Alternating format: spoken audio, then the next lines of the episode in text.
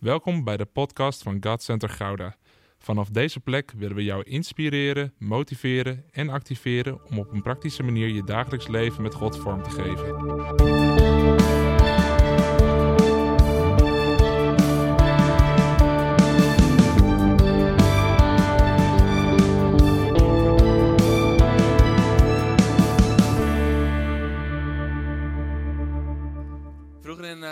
Hadden wij een, eh, een buitenzwembad. En eh, daar, daar gingen we de hele zomer altijd heen. Daar waren we eigenlijk elke dag. En ik was daar altijd met eh, een groep jongens en het was altijd, daar was een hoge duikplank. En op die hoge duikplank, daar zaten altijd de stoere gasten, de, de wat oudere gasten. En die zaten dan altijd zo op dat rekje. En dan zaten ze daar.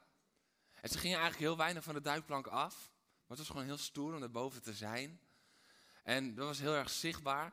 En daar keek je dan altijd een beetje tegenop. En op een gegeven moment werd ik ook wat ouder en werd onze groep ook wat ouder. En op een gegeven moment gingen die gasten, die gingen niet meer naar het zwembad, want dat was niet meer tof blijkbaar op een bepaalde leeftijd. En toen kwam het moment dat wij op die hoge duikplank konden zitten. Ken je dat gevoel? Dat, dat je heel lang tegen iets of iemand opkijkt en dat dan dat moment komt dat, dat jij mag. Het is een beetje dat moment dat je naar de middelbare school gaat, weet je wel. Je kijkt er iedere keer naar uit en dan denk je, want hey, ik ben in groep 8, ben ik de grootste. En dan kom je op de middelbare school en dan denk je, oh, niemand had mij verteld dat Goliath hier ook was, weet je wel. En dat was... Ik vond hem zelf ook grappig, maar zo grappig is Dankjewel, Daf. maar zo, zo voelde dat dan ook een beetje op die hoge duikplank. En toen zaten we daar en tot dat moment ging het echt super lekker, weet je. Ehm, maar dan op het gegeven moment komt er ook het moment dat je dan van de duikplank af moet. En dat je daar staat en dat je denkt, oh, dit is best wel hoog. ja, en dat je vrienden dan op het gegeven moment zo'n zo mooie aanloop nemen en als een of andere fantastische gazelle zo een duik nemen in dat bad. En dat je zelf zo staat van, nou, ik weet het niet. Maar dat je ook weet van, ja, als ik nu een trappetje weer afloop naar beneden, dat kan niet. En ik stond daar. En dit is waar gebeurd. En ehm, heel veel twijfel. Ik denk, en dan komt er een soort verlamming in je benen. Ken je dat moment dat je weet ik moet iets doen, en, maar ik vind het helemaal niet zo tof. En dat je volledige verlamming voelt. En toen in een split second bedacht ik me, ik kan nu niet meer naar beneden. Als ik nu gewoon zo naar beneden spring, dat is niet heel stoer. Dus ik ga duiken. Is er zo weinig vertrouwen in mij? en, en jullie hebben allemaal gelijk. Want, want in een moment van verstandsverbijstering sprong ik.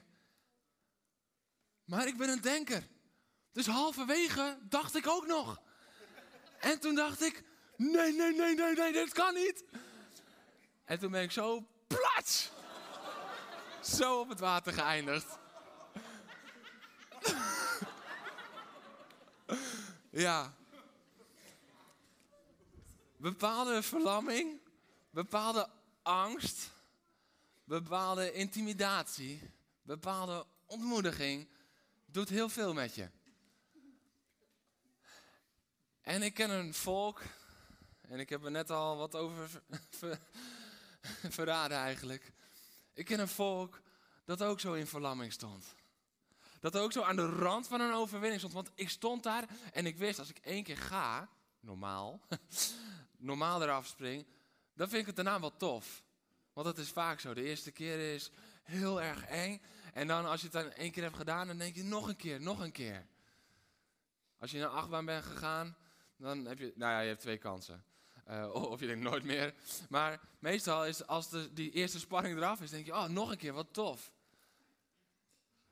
Maar, nou ja, Bij mij ging dat wat anders. Ik had even iets meer lang, tijd nodig om te denken nog een keer. En de volgende keer dacht ik, maakt me niet uit wat mensen van me denken. Ik ga gewoon zo.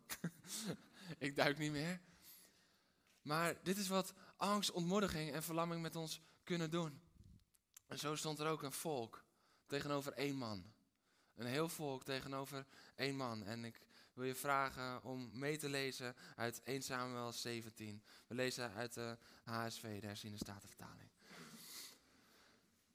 Want het staan twee legers tegenover elkaar. En het is tijd van oorlog. En dan. Er kwam een kampvechter tevoorschijn uit het leger van de Filistijnen. Zijn naam was Goliath uit Gat. Zijn lengte was 6 L en een span. Hij had een bronzen helm op zijn hoofd en een geschut harnas aan. Het gewicht van zijn harnas was 5000 sikkel brons. Hij droeg een bronzen scheenplaat boven zijn voeten en bronzen werfspies op zijn schouders. De schacht van zijn speer was als een weversboom. En het punt van zijn speer was 600 sikkel ijzer. En de schilddrager ging voor hem uit. Hij stond daar en riep de gelederen van Israël toe tegen, eh, hij zei tegen hen, waarom zou u uittrekken om u op te stellen voor de strijd? Ben ik niet een Filistijn en bent u geen dienaren van Saul? Kiest u één man uit die naar mij toe komt. Als hij met mij vecht en mij verslaat, uh, en hij kan mij verslaan, zullen wij u tot slaven zijn. Maar als ik hem overwin en hem versla, dan zullen, um, zult u ons tot slaven zijn en ons dienen. Verder zei de Filistijn, Heden honing de gelederen van Israël. Geef mij een man om samen te vechten. Toen Saul en heel Israël deze woorden van de Filistijn hoorden, waren zij ontsteld en werden zij zeer bevreesd. Dan komt eigenlijk het moment dat David ten tonele komt. Maar vandaag gaat het niet zo heel erg over David. Dus we maken een sprongetje naar vers 31 en 32. Toen de woorden die David gesproken had gehoord werden. Dus hij vroeg van, hé, wat gebeurt er met degene die tegen hem te strijden trekt, die hem overwint? En in de tegenwoordigheid van Saul werden verteld, liet hij hem halen. David zei tegen Saul, laat geen mens vanwege hem de moed laten zinken. Uw dienaar zal gaan en deze Filistijn, met deze Filistijn vechten. Dan komt er weer even van, oh, je, bent helemaal niet in staat. Hij heeft uh, leren vechten. Jij bent maar een herdersjongen. En dan komt vers 38 en 39. Vervolgens kleedde Saul David met zijn eigen kleren. Zette een bronzen helm op zijn hoofd en deed hem een harnas aan. David omgorde zijn zwaard aan over zijn kleren en wilde gaan. Maar hij was zo ongeoefend. Hij was het niet gewend. Toen zei David tegen Saul, ik kan hierin niet lopen, want ik ben ongeoefend. En David deed ze weer uit. Je mag lekker gaan zitten.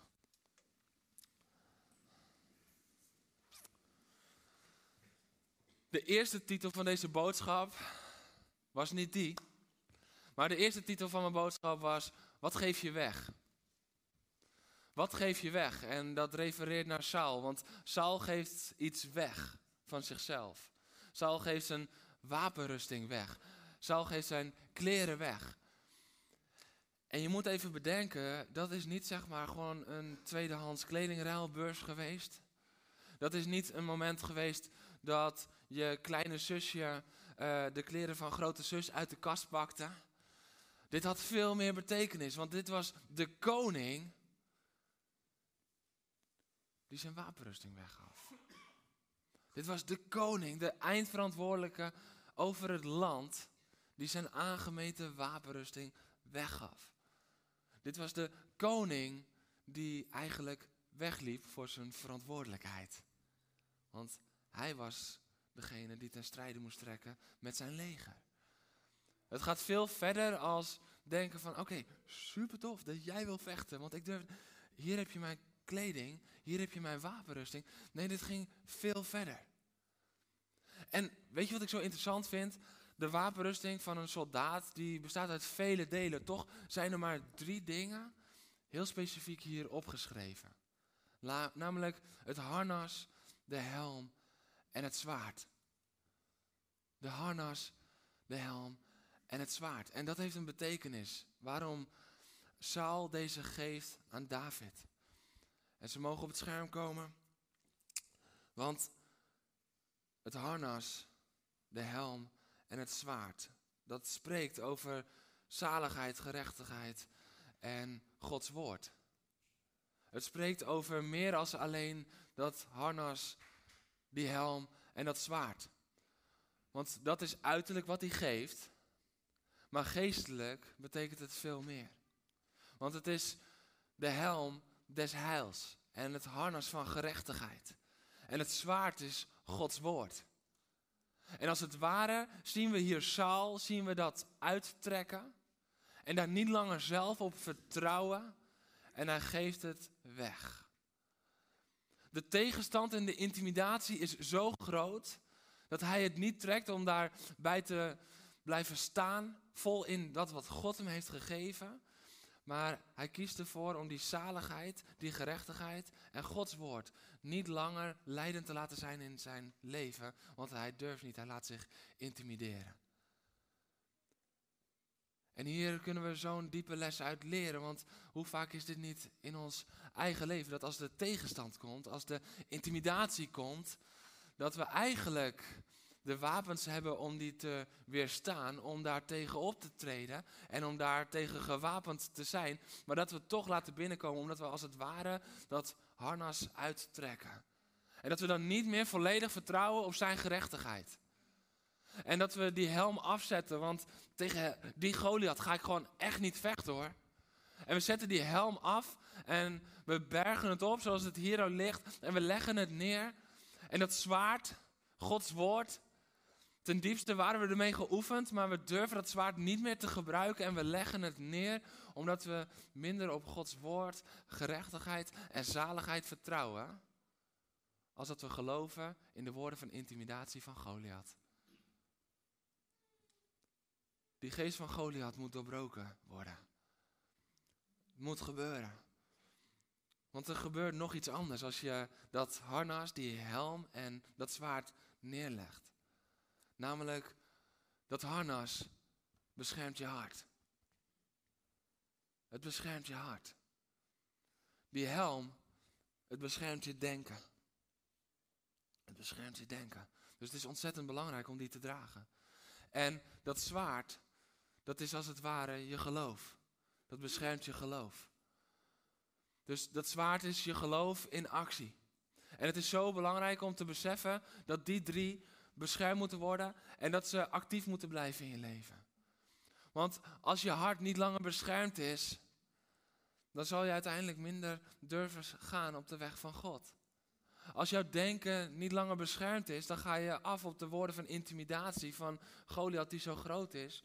Maar je kan niet meer nog hoger kijken naar God die altijd groter is. Op het moment dat we dat zwaard neerleggen, dan zijn we niet meer in staat om op te trekken tegen de vijand. Want we hebben het woord van God laten liggen. En Gods woord is onveranderd. Gods woord is onveranderd. Zoals hij dat aflegde tegenover Goliath, zo leggen wij het ook nog vaak af tegen de reuzen van onze leven. Onze levens die hebben ook reuzen. Het is misschien geen letterlijke Goliath, maar we hebben reuzen in ons leven. En hij deed het uit. Zet ze maar alle drie erop. ik denk, ik zal je niet 40 minuten laten zweten. Hij legt het af. En hij legt die verantwoordelijkheid als het ware af die hij had. En over zijn eigen leven, maar ook over het hele volk. En hoe vaak liggen ons harnas, ons helm en ons zwaard. Hoe vaak liggen die ook niet onder het stof in onze kledingkast? Hoe vaak is het niet zo dat op het moment dat het tegen zit, dat het eerste wat sneuvelt, is ons harnas, onze helm en ons zwaard. Hoe vaak is het niet dat het eerste wat we laten vallen, is het lezen van onze Bijbel. Hoe vaak is het eerste wat we laten vallen, niet onze gebedstijd van hart tot hart. Hoe vaak is niet het eerste wat we laten vallen het gezonde denken en laten ons meeslepen in de gedachtepatronen van de wereld om ons heen. Ons denken. Wat Saul hier doet, is herkenbaar voor ons eigen leven. En de vraag is, wat doen wij bij intimidatie? Wat doen wij bij tegenslag en tegenstand? Wat doen we als we het even niet meer weten? Verliezen we dan onze hart, hoofd en handen? Verliezen we dan onze wapenrusting? Geven we het dan weg? En misschien denk je van oké, ja, supermooi dat, dat je die link maakt met het hart en het hoofd en uh, het woord, uh, de, de, handen als het ware. Maar hoe moet ik dat praktisch zien dan? En dan kom ik weer terug bij wat er in de titel stond. We moeten angst, ontmoediging en verlamming moeten we verslaan. Want als we goed lezen, hebben we die drie elementen namelijk ook gezien in dit verhaal. Want wat we zien in vers 11 is dat er staat, toen Saul en Israël deze woorden van de Filistijnen hoorden, waren zij ontsteld en werden ze zeer bevreesd. Ze werden bevreesd, angst. Angst kwam binnen. En ze werden ontsteld. En weet je wat ontsteld betekent? Dat is een tijdelijke staat om uh, tijdelijk niet in staat zijn om iets te doen vanwege een emotionele of lichamelijke klap. Dat is ontsteld. Met andere woorden, dat is verlamming. Tijdelijk niet in staat zijn, omdat je zo'n klap krijgt. Tijdelijk, weet je, de gelederen van Israël, die, die traden elke ochtend traden ze weer naar voren met een strijdlied. En ze gingen staan. En dan ging dat nog. Maar dan kwam Goliath. En dan kwam Goliath naar voren. En hij kwam met stampende voeten. En hij begon te schelden, te schreeuwen, te vloeken. En er trad verlamming op in het leger van Israël. Er trad verlamming op bij Saul, want niemand durfde naar voren te stappen. De enige weg die ze nog kenden was de weg terugrennend naar hun tent, omdat ze bang waren. Dat is verlamming. En in vers 32 zien we dat ontmoediging ook komt. Want David zei tegen Saul, laat geen mens vanwege hem de moed laten zinken. Ontmoediging. Het hart laten zinken. En ontmoediging vindt plaats in het hart.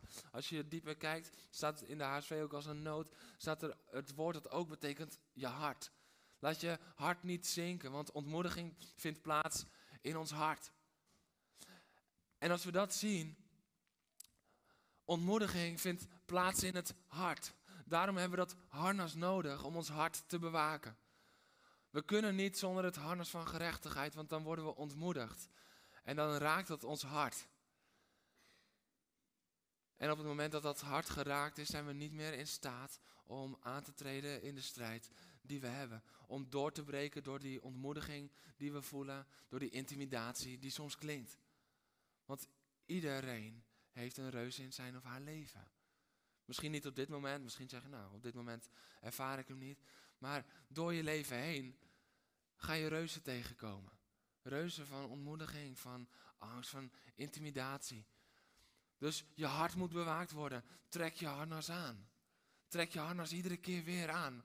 Want zonder je harnas is je hart heel kwetsbaar. Waar vindt angst plaats? Hier. Angst zit in je denken. Daarom heb je die helm met zijn heil nodig om je denken te beschermen.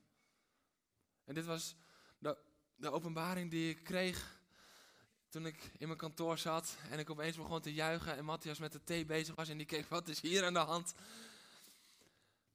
Dat in het verhaal zien we precies wat er gebeurt als je je wapenrusting aflegt. Het is niet alleen van, oké, het is goed om een wapenrusting te dragen en laten we het proclameren vanuit Efeze 6 met elkaar. Nee, God geeft gewoon een inkijkje in het leven van Saul, wat er gebeurt op het moment dat je hem niet bij je draagt. Want misschien had hij hem wel aan elke ochtend en elke avond als ze even zich gingen vertonen. Maar eigenlijk had hij hem al lang uitgedaan, want hij wist, ik ga niet ten strijde trekken. Laat die Filistijn maar gewoon schreeuwen totdat er iemand uit mijn leger misschien het lef heeft om te doen. Maar ik ga het niet doen. Dus hij had zijn wapenrusting eigenlijk al lang uitgedaan. En onder het stof. En nu dacht hij van, weet je wat, jij wil? Nou, dan krijg je het ook. Maar hij geeft iets weg wat bij hem hoort. Dus Goliath had invloed gekregen op zijn denken. Zijn denken was gevormd door de intimidatie die hij tegenkwam. En ons denken wordt ook zo vaak gevormd. Ons denken wordt zo vaak gevormd door de stem, de intimidatie die we tegenkomen. En ons denken gaat zich vormen en onze dromen worden kleiner. Ons geloof slinkt. Omdat we niet langer vertrouwen op Gods woord en Gods waarheid en Gods wapenrusting. Maar dat we vooral bezig zijn met wat staat er tegenover mij. Maar weet je wat het geheimenis is? Wat er tegenover jou staat wordt pas belangrijk als je de wapenrusting hebt uitgedaan. Want als je Gods wapenen die Hij voor jou heeft gemaakt draagt, dan maakt het geen klap uit wat of wie er tegenover je staat. Dan kan jij het aan. Dan kan jij overwinnen. Niet uit eigen kracht, maar door Zijn kracht. Dan is er geen twijfel van, oh, kan ik deze intimidatie aan? Oké, de vorige reus die, die was groot, maar deze lijkt nog wel iets groter. Nee, want dat is het denken zonder helm. Dat is het denken zonder helm. Ja, vorige keer ging het net aan goed, maar hoe zou het dan nu gaan? Dat is denken zonder helm. En als we denken van, oh, maar wat zal het... Als het nou niet helemaal loopt zoals ik denk, dan heb ik weer een gebroken hart. Of dan, dan heb ik weer hartzeer. Dat is denken zonder harnas. Want God zegt, ik heb het gemaakt voor jou. Angst in ons denken wordt beschermd door de helm. Ontmoediging in ons hart wordt beschermd door het harnas. En de verlamming, de verlamming van onze handen, die verlamming, die wordt opgeheven wanneer we het zwaard met ons meedragen. En dat is Gods woord. Als Gods woord niet meer het uitgangspunt is, ga je geen overwinning in je leven behalen. Waarom? In elke wapenrusting die je in de Bijbel vindt, is het zwaard het enige waar je een overwinning mee behaalt. De rest is bescherming. Het zwaard overwint. Als Gods woord niet meer het uitgangspunt is in jouw leven, dan ga je ook geen overwinningen meer behalen. Weet je dat dit een van de grootste problemen is in de kerk in deze tijd? Dat mensen zeggen van ja, ja nee, het woord, maar of dan alles helemaal waar is. Heeft de aarde echt onder water gestaan bij Noach? Of moeten we dat zien als een, een symbolisch verhaal? Heeft God dan echt de wereld geschapen in zes dagen en de zevende dag gerust? Ach ja, dat kan ook anders. Als dit woord, het gezaghebbende woord van God, wat hij heeft laten optekenen door vele verschillende schrijvers, maar door één auteur, zijn Heilige Geest. Als dat niet langer ons uitgangspunt is, dan kan ik je vertellen dat je je leven lang blijft staan. En je kan blijven staan, want de andere delen van de wapenrusting die beschermen je. Maar je gaat niet stappen in overwinning. Je gaat niet zien de belofte van God in je leven. Waarom? Omdat het wapen waarmee je overwint, omdat dat niet gebruikt wordt.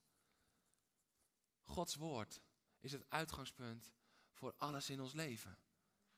Voor alles. Niets anders dan zijn woord.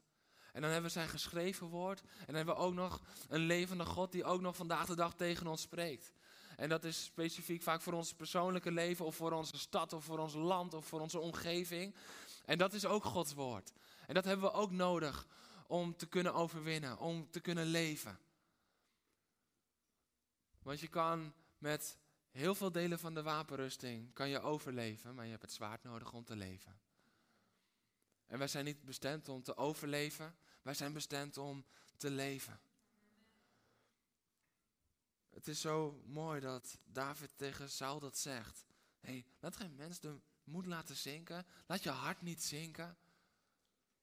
Want weet je wat het is? David ziet dezelfde reus als de anderen. Maar hij ziet God anders. Dit is het geheim. David ziet niet Goliath kleiner. Weet je, het is niet dat, dat God werkt niet met speciale contactlenzen. En, en dat David over welke reus hebben jullie het? Ik, ik doe het wel, want ik zie geen reus. Nee, David ziet ook wel dat het een reus is. Maar hij weet dat zijn God reusachtig veel groter is. En dan verandert het perspectief.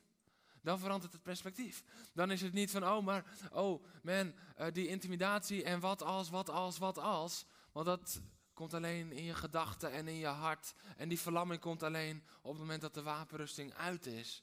Maar dan kan je weer gaan leven met hart, hoofd en handen. Dan kan je gaan geloven met hart, hoofd en handen. Dan kan je God gaan dienen met hart, hoofd en handen. Met je hele zijn. Met alles in jou. Zonder terughoudendheid.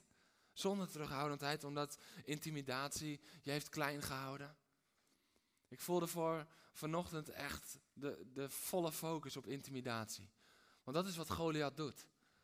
Goliath intimideert. We weten verder ook niks van hem. We weten dat hij een geoefend strijder was. In ieder geval volgens Saul.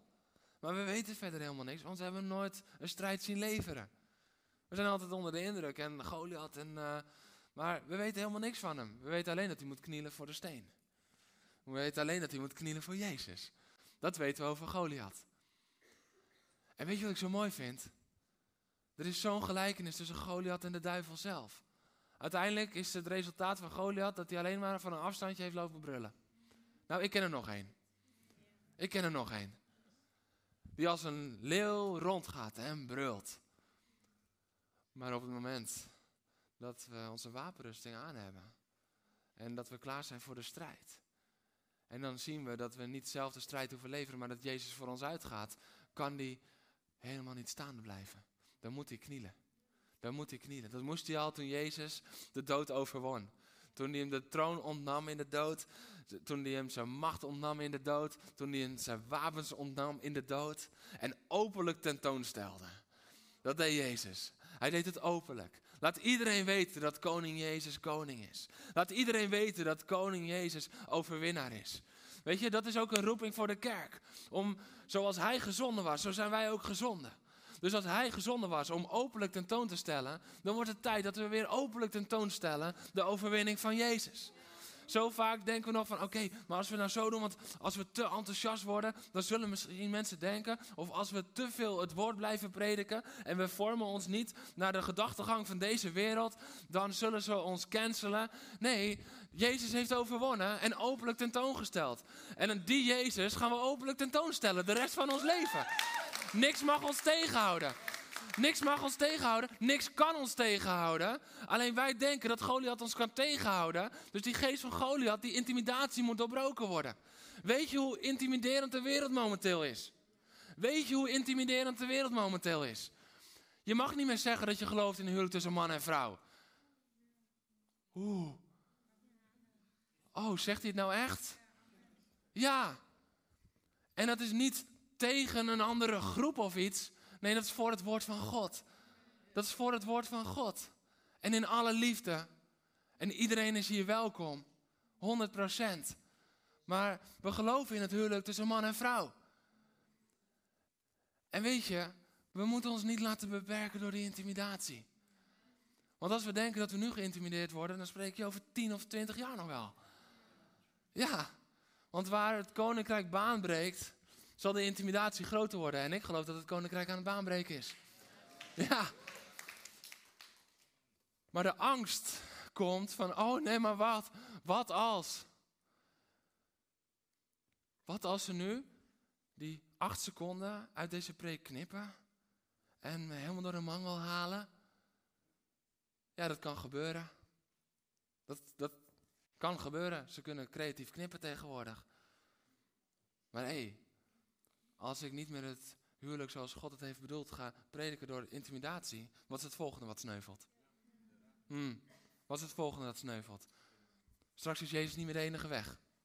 Wat is het volgende dat sneuvelt? Straks is er geen hel meer, geen hemel meer. Weet je, straks ben je zelfscheppend. Ja. En nu denken we van, ja dat is echt krankjorum, daar komen wij nooit. Maar waar het woord van God, waar het zwaard niet meer wordt opgepakt, ben je er zo hoor. Als het niet meer wordt opgepakt, dan ben je er zo. Het is tijd om te breken met die intimidatie. Het is tijd om gewoon dwars er doorheen te gaan. Gewoon heel simpel om, omdat het, om het feit dat we weten dat koning Jezus voor ons uitgaat. En dat het niet van onszelf afhankelijk is, maar dat we mogen volgen. En dat we het harnas aan mogen doen. Heer, bescherm mijn hart. Dat we de helm op mogen zetten. Heer, bescherm mijn denken. Want als ik mijn denken zijn gang laat gaan, nou, dan, uh, dan heb ik wel een andere zondag. ja. En Heer, help mij om dat zwaard steeds weer te pakken. Laat me wandelen met dat zwaard. Laat dat zwaard, laat dat gewoon continu bij me zijn. Weet je, als ik hem niet gebruik om te strijden, dat ik hem gebruik als wandelstok, maar dat ik hem altijd bij me heb en altijd paraat ben. Want dat zwaard is uw woord, Heer. En uw woord, dat is het uitgangspunt in mijn leven. En daardoor kan ik elke intimidatie doorbreken.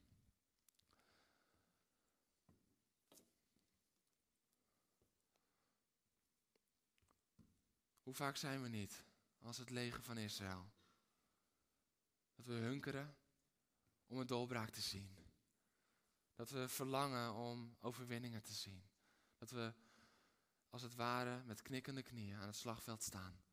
En we willen wel, maar we durven niet. We willen wel, maar we kunnen haast niet, omdat we verlamd zijn. En we onze zwaarden neerleggen. En verlamd van angst. Weten we wat goed is om te doen, maar kunnen we het niet. I may not face Goliath, but I have my own giants. In een lied, dat heet Same God. Mooi hè? Reuzen veranderen, maar God is dezelfde. Reuzen veranderen, maar God blijft trouw.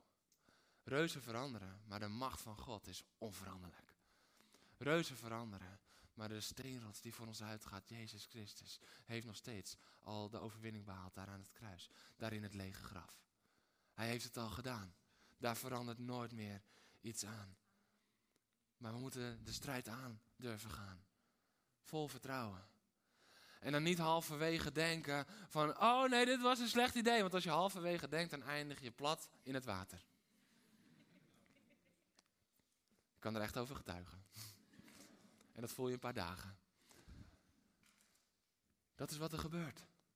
En dit is ook wat er vaak gebeurt. Waarom, waarom mensen denken van ja, maar wat moet ik nou precies met de kerk? Omdat we enthousiast beginnen, maar zodra die intimidatie komt en gewoon dat komt wat dichterbij, dat we denken, oh, u bocht. Dat we denken, inderdaad, op zondagochtend, oh, ja, dit was echt voor mij. En ik pak mijn zwaard en man, daar staat hij, daar staat hij. Goliath. En ik ga er naartoe, ik ga er naartoe. Maar maandagochtend mijn baas. Wat is hij groot als hij dichtbij komt? Dat is zo vaak wat er gebeurt. Dat is de macht van intimidatie. Dat is wat er gebeurt als we niet gewapend zijn. Geef nooit weg wat God je heeft gegeven. Geef niet weg die helm die hij jou heeft gegeven. Geef niet weg dat harnas dat hij jou heeft gegeven. Geef niet weg zijn woord dat hij jou heeft gegeven. Als hij specifiek in je leven heeft gesproken over een roeping, over een bestemming, geef het niet weg. Geef het niet weg. Want je kan wel heel nobel denken van, ja maar uh, uh, geef het maar aan hem, want hij kan het toch al allemaal zo goed. Kijk hoe David zich beweegt. Hij kan niet meer bewegen. Hij zegt, hier ben ik niet aan gewend. Hier ben ik niet in geoefend. En dan kom ik terug op de vorige keer. Dat we ook zo vaak opleggen wat we zelf gewend zijn op de ander. Maar geef het ook niet weg, want je doet jezelf tekort. Je doet jezelf tekort. Je draagt minder vrucht in je leven, terwijl God zegt, maar ik wil het zo graag in je doen. En ik wil het zo graag door jou doen. Je bent geroepen, mijn kind. Je bent geroepen, mijn zoon. Je bent geroepen, mijn dochter. Zijn gerechtigheid, zijn zaligheid, zijn heil, zijn woord. Het is nog steeds precies hetzelfde. Reuzen kunnen veranderen. Situaties kunnen veranderen. Stormen kunnen veranderen. Maar het is zijn woord dat altijd hetzelfde blijft. Het is zijn wezen dat altijd hetzelfde blijft. Het is zijn offer dat, waardoor de uitwerking altijd hetzelfde blijft. Dat je gerechtvaardigd bent in hem. Dat je heilig bent gemaakt in hem. Dat je gered bent. Dat je zijn kind bent. Dat je nooit meer alleen bent. Het is allemaal waarheid tot in eeuwigheid. Het is niet alleen waar als we hier met elkaar zijn en we het voelen en ervaren. Nee, het is waar tot in eeuwigheid. Misschien is dit een lichtpuntje voor je in een donkere week. Maar dwars door die donkere week zegt hij, ik ben thuis precies dezelfde. Huilend in je bed omdat je donkere gedachten hebt. Ik ben precies dezelfde. Zullen we weer je helm opzetten? Zullen, zullen we weer dat harnas aantrekken? Zullen we weer mijn woord als uitgangspunt gebruiken? Want dan komt de doorbraak en dan heeft intimidatie geen schijn van kans. Het heeft geen schijn van kans. Intimidatie heeft alleen schijn van kans, zolang wij verlamd blijven staan. Hmm. Intimidatie kan jou niet verslaan. Intimidatie kan je tegenhouden, maar niet verslaan. Daarom is het zo belangrijk om dat te beseffen. Weet je, intimidatie kan je verlammen, maar kan je niet verslaan. Intimidatie kan je ontmoedigen, maar niet overwinnen. Intimidatie kan je beangstigen, maar het kan niet over jouw zegen vieren. Het kan niks. Het zijn gewoon woorden die geschreeuwd worden. Situaties die gecreëerd worden. Maar dat kan je niet neerkrijgen. En daarom is het zo belangrijk om ermee te breken en te zeggen: we pakken de wapens weer op. Pak de wapenrusting weer op. Pak je gaven weer op. Pak je talenten weer op. Pak je roeping weer op. Ook als het al twintig jaar geleden is. Ook als je zegt van ja, maar de nieuwe generatie is inmiddels opgestaan. Ja, maar het is niet of-of. Het is en-en. De slinger en het zwaard horen hand in hand te gaan. Het is niet of-of. Maar verschuil je niet achter de nieuwe generatie dat jij je wapenrusting niet aantrekt. Verschuil je niet achter het succes van anderen in de bediening, of de zegen, of de zalving van anderen, waarom jij niet je wapenrusting aantrekt. Zeg niet, de situatie is zo, dus. Nee, de situatie blijft zo, zolang. De situatie blijft zo, zolang we het niet oppakken. Weet je, als we ons laten intimideren en verlamd blijven staan door die intimidatie, dan blijven we ook in die giftige situatie. En dat is het lastige. Want heel vaak zitten we van, ja, nee, maar ik zit in die situatie en hoe kom ik eruit? Hoe kom ik eruit? Terugvallen op Gods heil. Terugvallen op Gods gerechtigheid. Terugvallen op Gods woord. Dat is de enige weg eruit. Terugvallen op Jezus. Dat is het enige, de enige manier om eruit te komen. De enige uitweg. En wat ik zo sterk ervoor, ook voor vanochtend, is dat er hier mensen zijn en je voelt op dit moment, als we het hierover hebben, voel je als een zaal. Omdat je bent ontmoedigd. En je hebt leiderschapsposities gehad, richtinggevende posities gehad in andere gemeentes. En er is verwonding gekomen, omdat het niet goed is gegaan. Er is verwonding gekomen in je hart, omdat het niet is goed gegaan. En als het ware heb je de helm afgezet om je denken de ruimte te geven. Want daar heb ik toch recht op, want mijn hart is beschadigd. Maar God zegt vandaag, het is tijd om je wapens weer aan te trekken. Want ik wil niet dat je door de schade die je toen hebt geleden, en dat neemt u serieus. Ik wil niet dat je daardoor je toekomst gaat missen. Want zo vaak, door de schade van het verleden, missen we de toekomst. Maar God zegt, nee, nee, nee, nee, nee. Nee. Want je bent geïntimideerd geraakt. Door, autoritaire leiders. Die uh, als het ware hebben neergehaald. En daardoor durf je nu niet meer. Je durft je niet meer over te geven. Je vindt het al moeilijk om je over te geven uh, voor gebed. Dus moet je nagaan echt aan het leiderschap. Maar de helm is af en het denken krijgt een vrije loop. En God zegt, ik wil je nog steeds gebruiken. Jouw diensttijd zit er niet op. Je bent niet met pensioen. Het is tijd om weer op te staan. Want, weet je, het klinkt soms heel vroom. Zeker als je al iets ervarener bent in het leven. Dat is een heel lief woord voor ouder. Als je iets ervarener bent, dan klinkt het heel erg geestelijk ook vaak. Van, nee, maar dat is nu aan hun. Nee, ik bid op de achtergrond, het is nu aan hun. Maar de motivatie waarmee jij je wapenrusting neerlegt, bepaalt of het gezond is of niet. Maar als de motivatie ontmoediging is, als de motivatie angst is, als de motivatie intimidatie is, verlamming is, dan is het nooit goed dat jij je wapenrusting hebt neergelegd. Nooit. Hoe geestelijk het misschien ook klinkt. Ja, nee, maar laat mij maar juist bidden, want weet je, dat is goed. Laat hun nu opbloeien en laat mij bidden. Nee. Je kan ook vol in de strijd staan en bidden tegelijk. Laat het geen smoes worden om onder dat stuk wat God je heeft gegeven uit te komen. En wil je een gezonde overdracht, dan moet je tot het laatste moment bewapend lopen. Tot het laatste moment van je leven. Totdat je je laatste zucht uitademt. Want elke gezonde overdracht is een overdracht van een mantel, van een salving. En niet een wapenrusting die ergens halverwege het leven wordt overgegeven. Dit is het verschil tussen Saul en, kijk naar Elia. Het is een erfenis achterlaten, dat is gezond. Je wapenrusting geven aan een ander, terwijl het voor jou op maat gemaakt was, dat is niet gezond. Elia, die laat een erfenis achter, die gaat naar de hemel en die laat een mantel achter. De mantel die Elisa om kan gaan doen en de salving wordt overgedragen daar. Maar dat was niet halverwege Elia's leven. Elia zei niet van, oké, hey, ik heb een fantastische tijd gehad, was, was geweldig. Nu, jij succes, ik blijf biddend op de achtergrond. Dat zien we niet doen. Dat is Saul hier als het ware wel aan het doen. Jongens, ik heb een paar mooie strijden gestreden, maar nu is het klaar. Nu is aan een ander. Maar die ander die was eigenlijk nog helemaal niet geroepen. We zien dat God intreedt en dat David zijn plek inneemt. Maar is je opgevallen dat eigenlijk na die tijd, dat Saul nooit meer zijn wapenrusting aandoet? Want David wordt zijn veldheer. Hij heeft definitief zijn wapenrusting uitgedaan. David wordt zijn veldheer. En dan komt de jaloezie. Dan komt de jaloezie. Want dan komt de jaloezie van, oh nee, maar nu zingen ze, David met tienduizenden en ik maar met duizenden.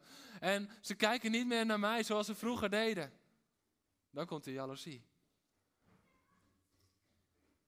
En het is logisch dat het volk David viert, want hij heeft het laten liggen. Maar dan komt de jaloezie. En hij trekt alweer ten strijde, maar niet met de wapenrusting zoals het hoort, maar vanuit angst, vanuit jaloezie gaat hij achter David aan.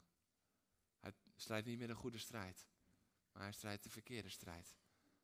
Dit is wat er gebeurt op het moment dat we onze wapenrusting uitdoen. Ons denken, ons hart, onze handen worden zo gevormd dat we de verkeerde strijd gaan strijden. Dat we jaloers kunnen worden. Dat we gaan neerkijken op anderen. Dat we teleurgesteld gaan raken. En God zegt vandaag, trek je wapenrusting aan. En bescherm jezelf daartegen. Bescherm jezelf tegen die teleurstelling. Saul heeft het nooit meer echt aangetrokken. Maar er is een sleutel tot overwinning en de vervulling van de belofte in je leven. Ik wil de worship band alvast naar voren vragen. Want laat me je dit zeggen. Een Goliath in je leven is een goed teken. Een Goliath in je leven is een goed teken. Geloof me, er komen geen reuzen als jij niks uitvoert. Er komen geen reuzen jou intimideren. Jij hebt geen intimidatie nodig als je niet in Gods plan wandelt. Dan denkt de duivel van, nou, die gaan we niet intimideren. Dikke prima. Afblijven. Want straks, straks komt diegene erachter van, oh, wacht, ik heb God harder nodig. Nee, laat me lekker rusten. Dat pad is toch al niet goed. Maar als je op het juiste pad bent, als je op de juiste weg bent van je roeping, van, van dat wat God in je leven heeft gelegd, dan komt de intimidatie. Weet je, je moet intimidatie vieren dat het er is en verbreken zodat het er niet meer zal zijn. Halleluja. Je moet vieren dat het er is. Het is heerlijk als er intimidatie komt. Dat betekent dat er iets groots gaat eh, gebeuren. Waarom zou er intimidatie zijn als er stilstand is? Niemand gaat stilstand intimideren als je in beweging komt. Dit is de reden dat er vaak voor en na de doop, dat er intimidatie komt. Zijn we vaak een beetje van ondersteboven, van hoe kan het nou? Ja, dat uh, is wel logisch. Want er is een farao die je niet wil laten gaan. Dus iedere keer als je een klein beetje beweegt richting dat doopbad, dan denkt hij, nee, leger erachteraan. Leger erachteraan. Terughalen die gasten. Dat is wat er gebeurt. En we denken, oh nee, oh nee, oh nee. Het gebeurt zo vaak. En het is tijd om die intimidatie te breken. Versla angst, versla ontmoediging, versla verlamming. Overwin die reus die tegenover je staat. Die al zo lang intimideert, zodat je de overwinning kan behalen. Zodat je de belofte kan innemen, zodat je vrucht kan dragen. Want dat is Gods wil voor jouw leven. En dat is niet een 28 stappenplan om goed genoeg te worden, krachtig genoeg te worden. Daar heb je geen personal trainer voor nodig om sterk te zijn voor in de strijd. Nee, Er is één ding voor nodig. Het moment dat je hart, hoofd en handen weer gaat beschermen. Saul liet het liggen. David moest daardoor opstaan. Maar ik geloof dat we als volk van God, dat we het aan mogen trekken. Als lichaam van Christus, dat we het aan mogen trekken, zodat die angst gaat wijken in ons leven. Omdat ons hoofd beschermd is door die helm. Het moet over zijn, dat die ontmoediging in het hart, dat we ons hart niet laten zinken, dat we niet de moed in onze schoenen laten zinken. Waardoor we niks meer doen, waardoor we denken, dit kan ik niet. Het moet over zijn. We hebben een harnas nodig. Het harnas van God. En het woord van God als groot overwinnend uitgangspunt. Hierin ligt alles verborgen wat je nodig hebt. In zijn geschreven woord, samen met zijn gesproken woord. Samen met zijn gesproken woord. De Heilige Geest die is nog steeds aanwezig en die spreekt nog steeds. En hij kan door vele verschillende dingen heen spreken. Het zal nooit dit ontkennen. Het zal nooit anders zijn dan in dit woord. Dat is belangrijk om te beseffen. Het zal altijd bevestigen wat hierin geschreven staat. Het kan nieuw zijn. Het kan nieuw zijn, want daarin, Gods geest geeft iedere keer nieuwe dingen, maar het zal nooit ingaan tegen zijn woord. En als we dat gaan pakken, dan heeft intimidatie geen schijn van kans. Geen schijn van kans. En we willen vanochtend niet uitgebreid voor je gaan bidden en een hand op je hoofd leggen en noem maar op. Ik wil je uitdagen om zelf als het ware het aan te trekken. Je moet het zelf als het ware aantrekken.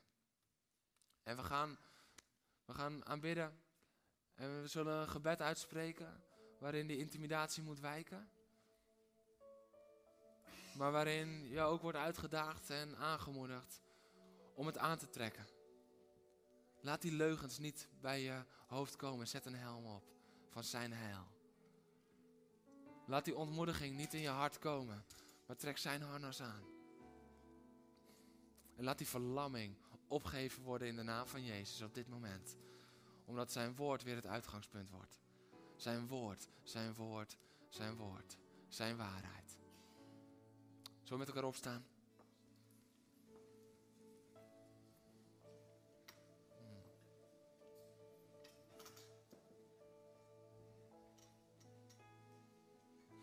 Want Heer, zo staan we hier voor u. Heer, klaar om die wapenrusting weer aan te trekken. Heer, klaar om weer te gaan staan. Heer, klaar om ons denken opnieuw te beschermen. Klaar om ons hart te beschermen. Klaar om onze verlammingen op te heffen, onze handen te beschermen. Want Heer, we willen geloven. En we willen wandelen met u. We willen leven met u. Met hart, hoofd en handen. Met hart, hoofd en handen. Niets teruggehouden, Heer. Niets teruggehouden. En Heer, op dit moment verbreken we elke macht van intimidatie. Die geest van Goliath is verleden tijd in ons leven. Die geest van Goliath is verleden tijd. Hmm. Die geest van intimidatie die je iedere keer weer doet herinneren aan het verleden waar dingen niet goed zijn gegaan. En zegt, dat zal altijd zo zijn. We breken die woorden in de naam van Jezus. We breken die leugens in de naam van Jezus. En zelfs die leugen die nu bij een aantal opkomt. Fantastische boodschap. En ik weet dat het waar is. Maar het is niet voor mij. Ik kan dit niet. Ik ben te ver heen. We breken die leugen in de naam van Jezus op dit moment. Dood, je hebt geen macht. Waar is je prikkel gebleven? Hmm. Geen schijn van kans. Voor de naam van Jezus, want elke andere naam vervaagt. Elke reus knielt neer. Hm. Elke reus moet knielen. En Heer, ik bid een tijd van aanbidding hebben, dat het voor iedereen persoonlijk een tijd zal zijn om het, hel, het harnas, de helm en het zwaard weer op te pakken. Voor bescherming van ons denken, ons hart, ons handelen. Maar ook zodat we weer vrucht gaan dragen. Zodat we verantwoordelijkheid niet langer afschuiven, maar zodat we gaan staan waartoe we geroepen zijn. Zodat we gaan staan in wat u in ons heeft gelegd. Zodat we blijven staan. En niet langer onze wapens uitdoen en weggeven. Heer, en waar we het misschien hebben weggegeven. Heer, dank u wel dat uw woord dan ook zo duidelijk zegt. Je kan het weer oppakken. Want die ander kon het niet dragen. Heer, dank u wel dat David het niet kon aantrekken. Want David heeft iets anders. Heer, als we het hebben weggegeven, dan ligt het misschien onder het stof, maar het ligt klaar voor ons om op te pakken. En laten we dat doen. Lichaam van Christus met elkaar. In Jezus' naam. Amen.